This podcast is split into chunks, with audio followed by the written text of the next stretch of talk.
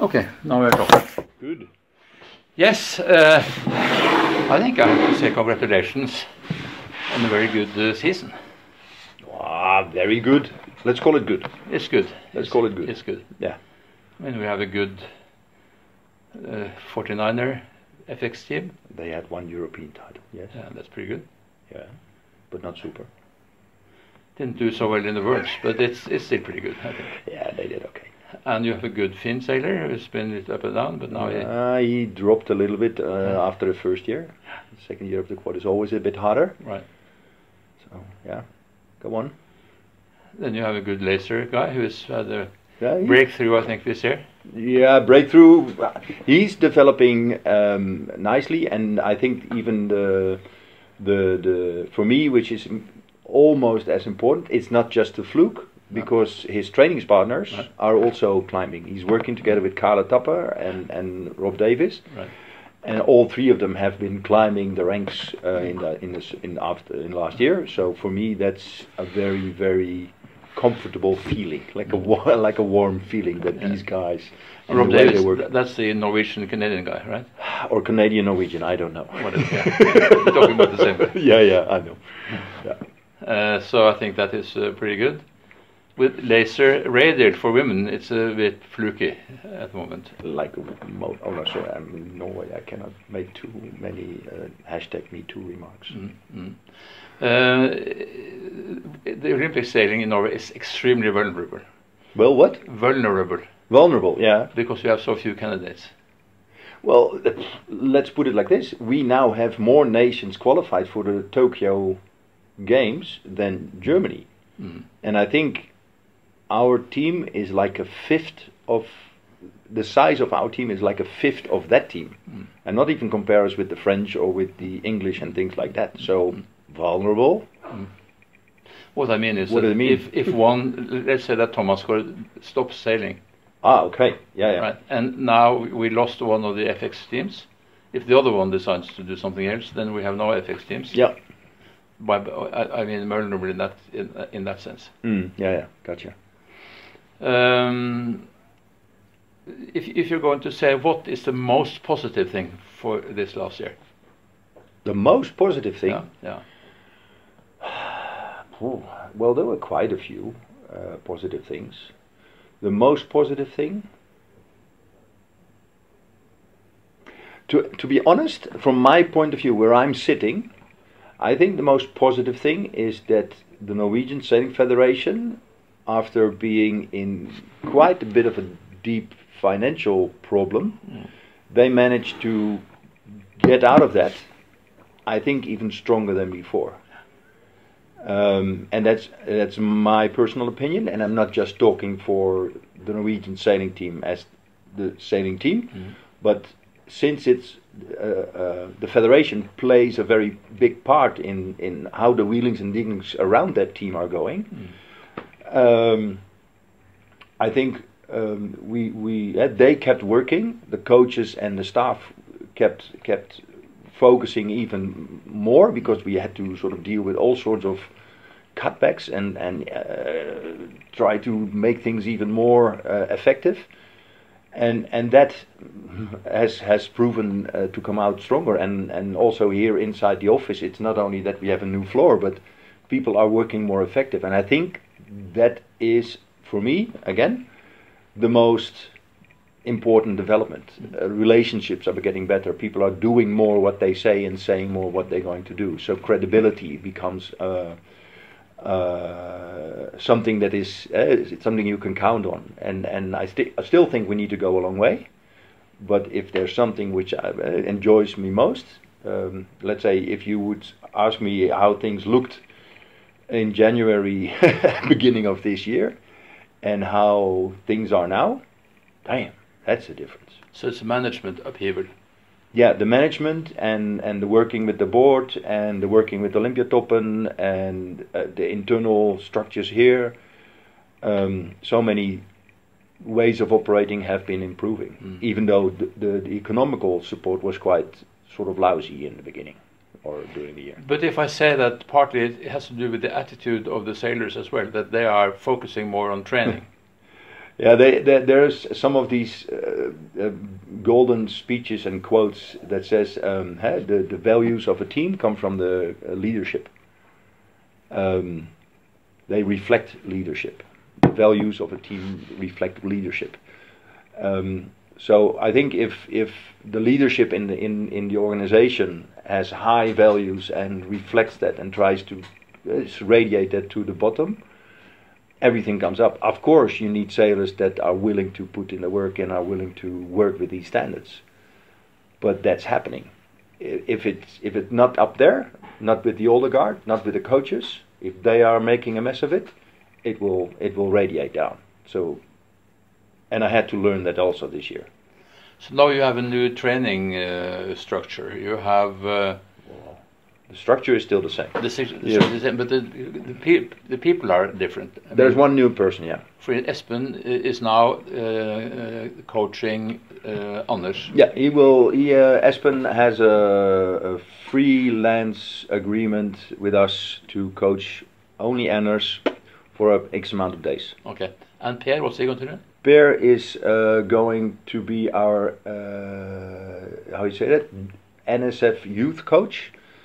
Um, Marta Enger Eider, I'm not sure if you know her. I know her. Yeah, she was in, the, let's say, she was the youth coordinator, and uh, we felt that that the into many directions she did a good job, but into the direction of being on the water, being with the sailors, radiating uh, uh, uh, all sorts of signals that we are interested to the clubs and to the sailors.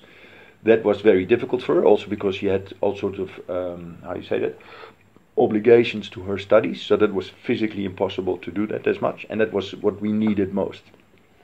So So she's out now of the federation. she, uh, her contract was for one year, so that has ended. Okay. Um, and Pierre is gonna, uh, in a new structure, Mm. together with uh, PC and me, we are going to do the management part of that project, and uh, Pierre is gonna do the on water towards the community Mm, kind of jobs. And who is going to do the 49ers? The 49ers, Yeah. they are not on our sort of priority list. Not the, not the, not even the FX. Oh yeah, that's going to be Thomas Guttormsen. That's almost. But that's like But so he's going to be responsible for this one team from Tønsberg.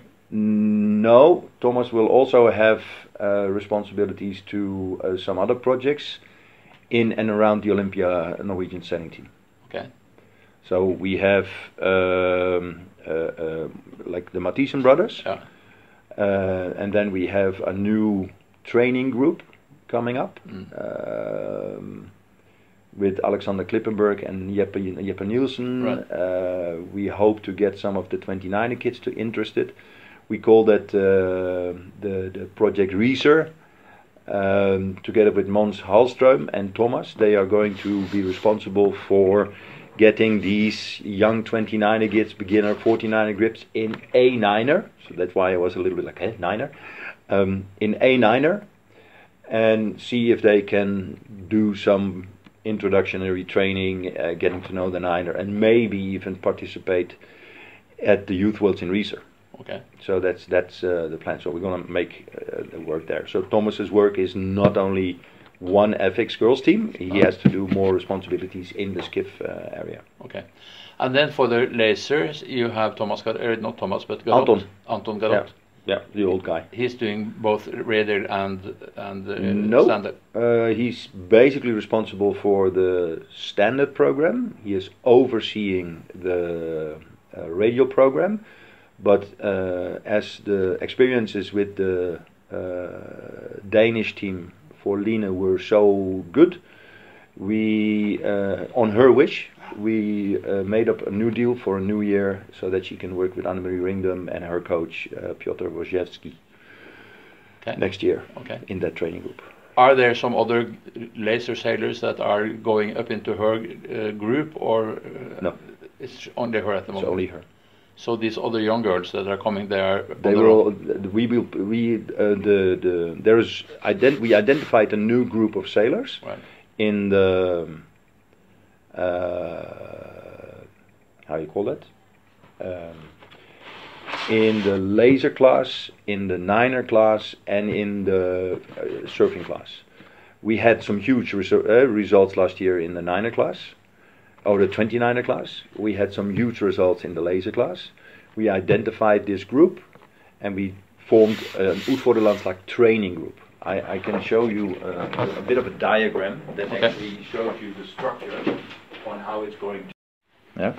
Then we have two levels in the Utvorder, Utvorder uh, Landslag.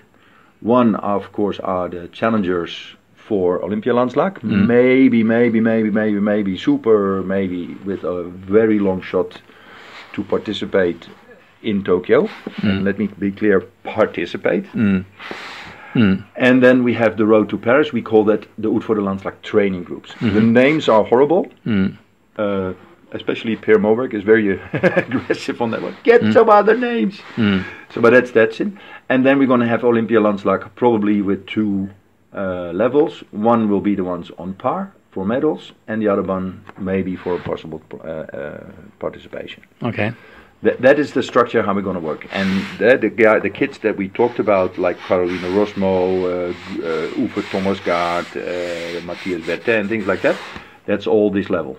Right. Ut for the Landslag training group. Right. And we call that the road to Paris. Yeah. But you say possible participation in in uh, Tokyo. Yeah. That could be the Mathisen brothers and some others. Yeah.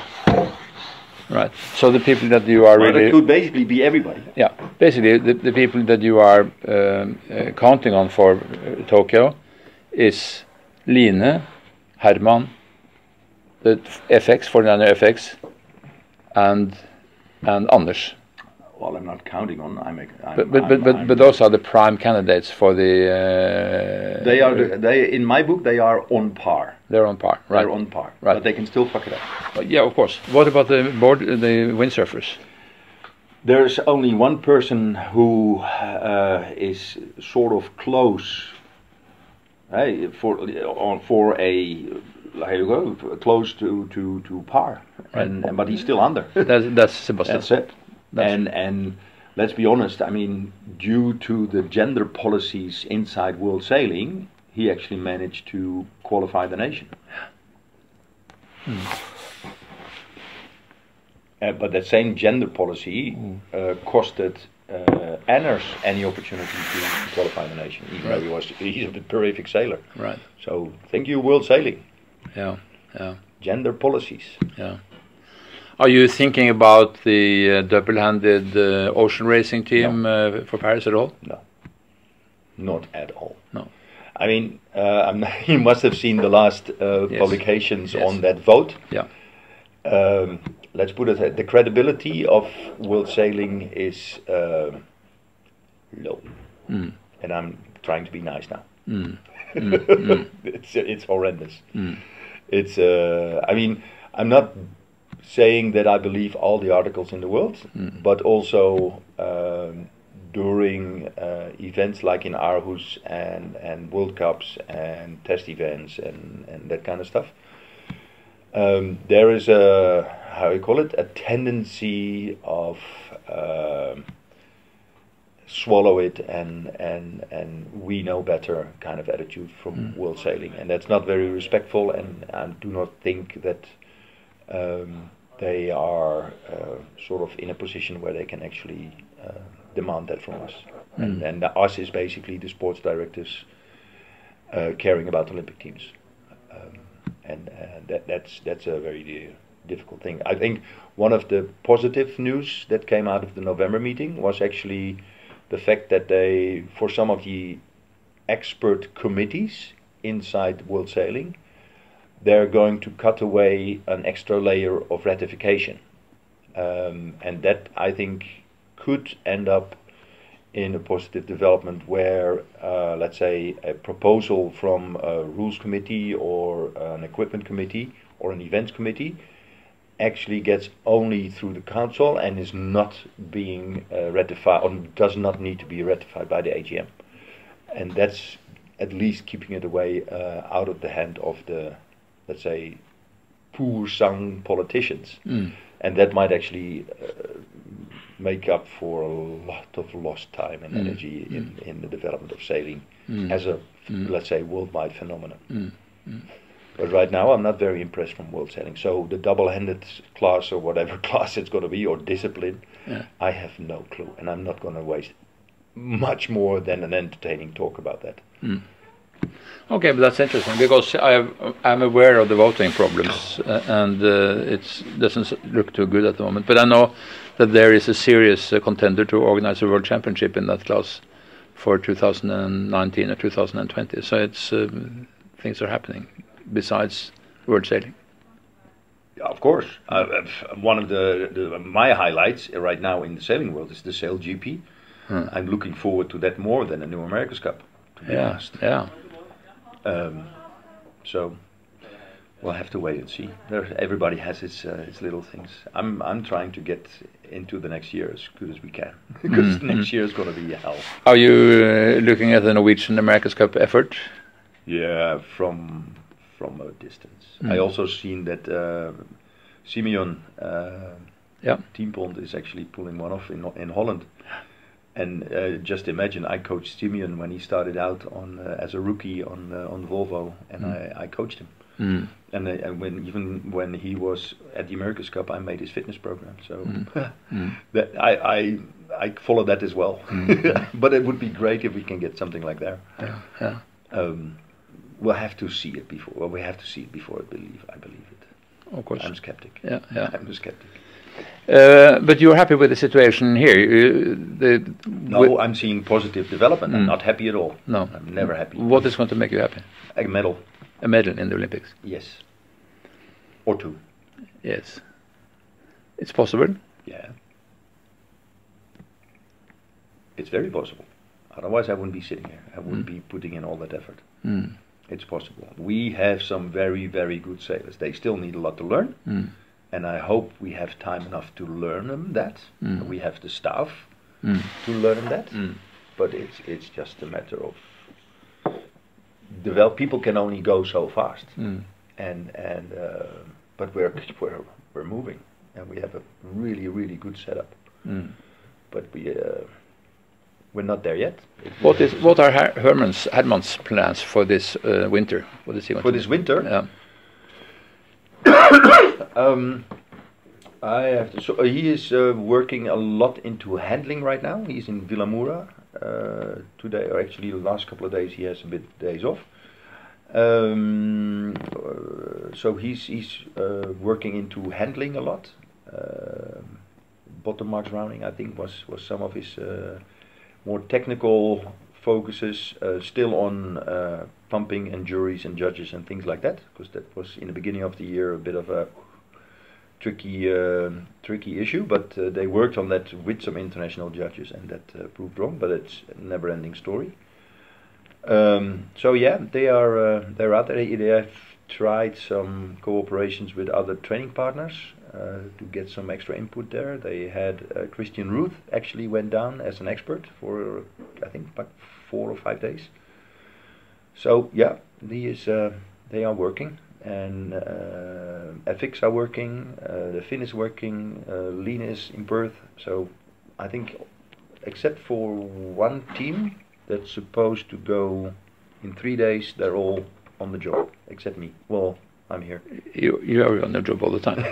no, not all the time, but I didn't mention the NACRA 17. That's an Yeah. odd case. it is an odd case. But it's a, like it's it's a how you call it? It's, it's a development class, and and since Norway doesn't have any tradition or not a big tradition compared to many other countries, it's it will take a long time to build something up, and and uh, we still have two boats there, um, and and I hope that uh, that that we can sort of take a long breath uh, building that because I do believe that, that catamaran sailing can absolutely be an, an, an, interesting and, and let's say beautiful sport for Norway as well to, to sort of um, in, in increase the sailing uh, opportunities. Matthias is he in good shape now? Is his uh, No, shoulder okay? still in the final phases of his recovery. Okay. When is he going to be able to sail? He is sailing right now, Okay. but uh, in an let's say I call it in a recovery phase. I think depending on how it how what will happen on the next let's say couple of well, weeks, uh, I hope we may even say see him in Miami already racing. But as far as I understood, his plans are to start racing, let's say full on, uh, in every condition, no limits, uh, Palma. Okay. And Tiril, she's uh, fully in on that. Yeah. So she's not going back to the glacier. No. No, that's not going to happen. No. No, no, no, no, no. I had the intake meetings with all the teams, and, and they are all sort of full on. That goes with the other NACRA team as well. Martina Nicholas, yes. Yeah. Yes. Actually, I think um, after Herman, uh, they were on the water practicing first after Aarhus. Right. Yeah, they have been the most. Uh, oh, sorry, after Enoshima. Right. They didn't go to Enoshima, but they went to Shanghai, Mm. and like they took couple of weeks off. Then we had Wasser, and then after Wasser they were straight in the boat Mm. in Moss. Because they have been on their own pretty much. No, I last year I coached them. I think about sixty days or something. Oh, that much. Yeah, somebody has to do it. Mm. Um, but uh, the two boats, uh, so it was some part of it they were together, some part uh, they were with. Uh, the, the two boats were together. Some Mm. parts they were alone. Mm. Uh, so yeah, I, I was in Medemblik, I was in Kiel, I was at the Europeans, and then Aarhus. So yeah, a couple of trainings before Aarhus. It's a nice boat. So that means that uh, you are also hands-on uh, on certain aspects, and Yeah. you will follow the NACRAs or Um, well, we are still sort of puzzling how to prioritize next year. Um, of course, eh, the, the obvious candidates will are clear. I mean, there's the, the, the problem is not to find out uh, the good ones or the bad ones, but it's always how to deal with the people in the middle.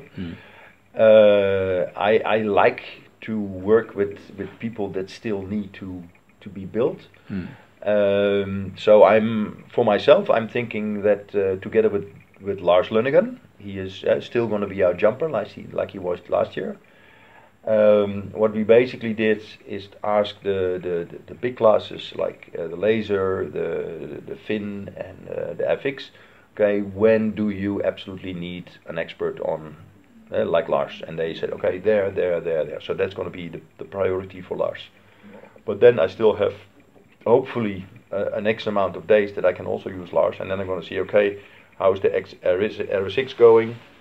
How is that going? So then I fill Lars's days, and then I'm going to see, okay, maybe I should do a little, also a little bit of uh, RS:X coaching with Sebastian. Maybe I will do a bit of work with the 49er girls when Thomas is sort of busy with other stuff. Maybe I will still do some NACRA coaching. So I'll be jumper number two basically. Uh, so yes, I will be hands-on uh, more than ever. Is the federation financially strong enough to give these sailors the, the resources that they need? No. How much do they lack? How much do you lack? I have another way. I had a meeting with Olympiatoppen, um, uh, preparing all the, the projects and the budgets. Um, and at one point they asked me, okay, how, from uh, let's say a complete, how much does an um, an Olympic campaign cost per person per year? And that's a common knowledge. That's 35, no, 350,000 kroner per year per person. And that's accommodation. That's without the coaching. How much is the federation paying on that one? That's around 15%. 15. 15, one five.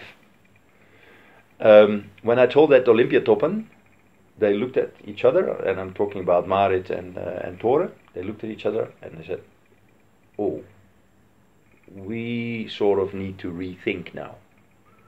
Because, I mean, they are used to, for, to work with federations that have a team or a group of athletes that do not need to pay for their skis, their shoes, their jackets, and their their their glasses. Um, for us, that's a bit different. Um, and uh, so yeah, that's that's uh, the reality, and um, uh, hopefully, and that's one of the, the long term goals that I see for myself as a as as a as a federation sport director, that uh, we will be able, let's say in 2024, to have um, at least the Olympia A or the Olympia Landslag sailors to be, let's say, financially neutral on their campaigns. Um, so that and and with the help of sponsorship and things like that. If I would go right now and look, for instance, at Germany, I can say that about 90% of the B squad, so not the A squad, just the B squad, and remember that it's five times more people than we have in our squad, um, are already financially neutral. Yeah, and the A squads are actually making money out of their squads, out of their their, their sailing. And if you look at France and England and a few Yeah, but I mean that you have to sort of, if you compare those numbers, you also need to have a bit of idea of the background. In Norway, to say I'm going to become a professional sailor, you will be an outcast. you will not be taken. When are you going to get a job? Um, not even the the the, the career um, supporters from from uh, Olympiatoppen are considering uh, a professional career as a sailor uh, to be existent. Um, so, and in England, that's a very good option. People are choosing an Olympic career in order to become a professional sailor, and that's a respected job. Um, same in France, same in Spain, same in Australia, same in the States, same in New Zealand. Mm. That's not the case in in, in, in Norway. That's not the case in Germany. Um, so yeah, keep that in mind. Is your ambition to change this? Uh, no, like I said, yes. I mean, if if um, a Norse team is actually coming off, and uh, we find, uh, and I'm pretty convinced that the tendency becomes bigger. If we find that people from the Norwegian sailing team are um, sort of willing to to participate in a project like that, I will definitely support it in, in science to seeing to find out whether that happens or not because because uh, I think it, for me personally, um, a, a professional sailor is just a global citizen. If you want to be a professional sailor or a professional coach just in Norway, it's not going to work. But if you think globally, it's not that difficult. But is it any Norwegian sailor who would be qualified for an America's Cup team today? Yeah. There are. Yeah, Mm. uh, to, to be honest, I think that that uh, my my Olympic sailors are better sailors than ninety percent of the big boat sailors, Mm. because they know what to how to run a campaign and Mm. how to get better in a class without all sorts of investments of money and tricks and boat building shit. Right. And in the and you can see that also on the uh, the, the, the all the big campaigns, the Sail GPs, the America's campaigns, all those guys are not coming from the old old school displacement boat stuff. No, they come from from classes where where skiff and foiling is, is already happening. Mm. So a Matthias, I mean, eh, you can, or Nicholas, or Martina, or or Tyrell, but also Anners and and um, and and the FX girls, they are sort of learning to operate at such a high level that in whatever class they will jump, they will develop much faster than than most of the people that are used to improve equipment Mm. instead of improving their skills. Very interesting. I'll, I'll finish up by now, but but what do you think about this Star Sailing Sailors League? Star Sailors League. Yeah. Great. Right. Perfect. Yeah. It's it's a good demonstration of historical sailing. Better than the Olympics. No. No, not by far. no, no, no, no, no. I give me the Bacardi Cup. One of the very interesting facts of the Bacardi Cup uh, that's in Miami, uh, I think, um, you know, is that during every Bacardi, but there's an average visit from a um, ambulance taking care of people that have a stroke or a heart seizure. Mm-hmm. Not so much because they are using drugs and things like that, but mostly because they are alkalized and too fat and get a heart attack during sailing. Mm. great, perfect for their overweight. But when you look at the present uh, regatta in in uh, yeah, but you can Bahamas, put that you can put that on the on the on the the, the, the same thing as the Extreme 40s or the M32s or uh, what is it, the Sail GP, all the exotic circuits. The only the boat is different, but the concept is the same. Great sponsors, some high names. Nice looking boat, but a nice looking boat depends on its taste. I think the Star looks great, but it's it's yeah far away from Olympic sailing. Olympic sailing is like six years in a row, 210 days on a boat. But but are you saying that uh, Star, which is a keel boat, should be out of the Olympics because of that, or No, well, let's put it like this. If again, if it's my personal opinion, yes? um, I think an Olympics should should reflect the, the, the, the latest sort of where is the sport at this time and, and, and, and, and, and age, this day and age. If you go back to the 70s, we just started to understand that there was more than displacement sailing. The actually the boats were occasionally surfing, and then the 470 came, and then oh a catamaran, who? So that's that's where we were then, and then eh, we had the big breakthrough with the with the skiffs. Well, we were planing up with We were planing all the time. That was, phew. And you know uh, there were quite a few people that actually died when this skiff sailing came. I lo- know at least two sailors that died when that skiff sailing came. Eh, and the typical skiff sailing is the upwind, apparent wind sailing, downwind, and stuff like that. What did they die because they had a heart attack? No, they didn't. They died because they were. Uh, one of them. One of them was actually um, hooked. So the boat capsized, and he was mm. hooked mm. underneath and mm. couldn't come out. And the other one was injured on the head and, and things like that. Um, and and now when the foiling comes, uh, okay, let's forget about, about Bart Simpson uh, and uh, that accident. But uh, in the Olympic level, we only have some cuts. Nobody died yet, fortunately. We only had some cuts. Nobody died yet. But we are going through another roof of development. I mean, now we have foiling into the Olympics. So what I'm saying is that yes, um, even even though I want to be very conservative in changing Olympic classes, um, I very much like to sort of have the Olympics reflect the different disciplines and uh, in the sport. So there should be displacement sailing, there should be uh, skiff sailing, there should be foiling. Long distance sailing, why not let's have the finish of the Volvo Ocean Race at the last day of the medal uh, medal uh, of the, of the, the, medal racing block in uh, the Olympics. Have the Volvo finish there. Mm. But that is just to add publicity or No, no. that- I mean, then the Olympics become the true thing, like the reflection of the sport. So you, mean you can win an, an Olympic gold medal in Volvo Ocean Race? Why not? Uh, Well, at least it's long distance sailing. We're trying to mix up things. Maybe we should be even more saying. What what kind of three forms do we have? We have round the cans, we have long distance, and we have uh, what do you call it? Um, one on one, America's Cup, like match racing. Match racing. So why not have the finals of the America's Cup, the final leg of the Volvo Ocean Race, and a couple of Olympic round the can classes? Boom. That is the highlight of the pinnacle of our sport. Like it would be for handball. Yeah. Yeah, I would would be would be wonderful. It's uh, very refreshing thoughts. very very interesting. Well, it's it's not ref- we- actually we thought about that when we were when I was still in Holland.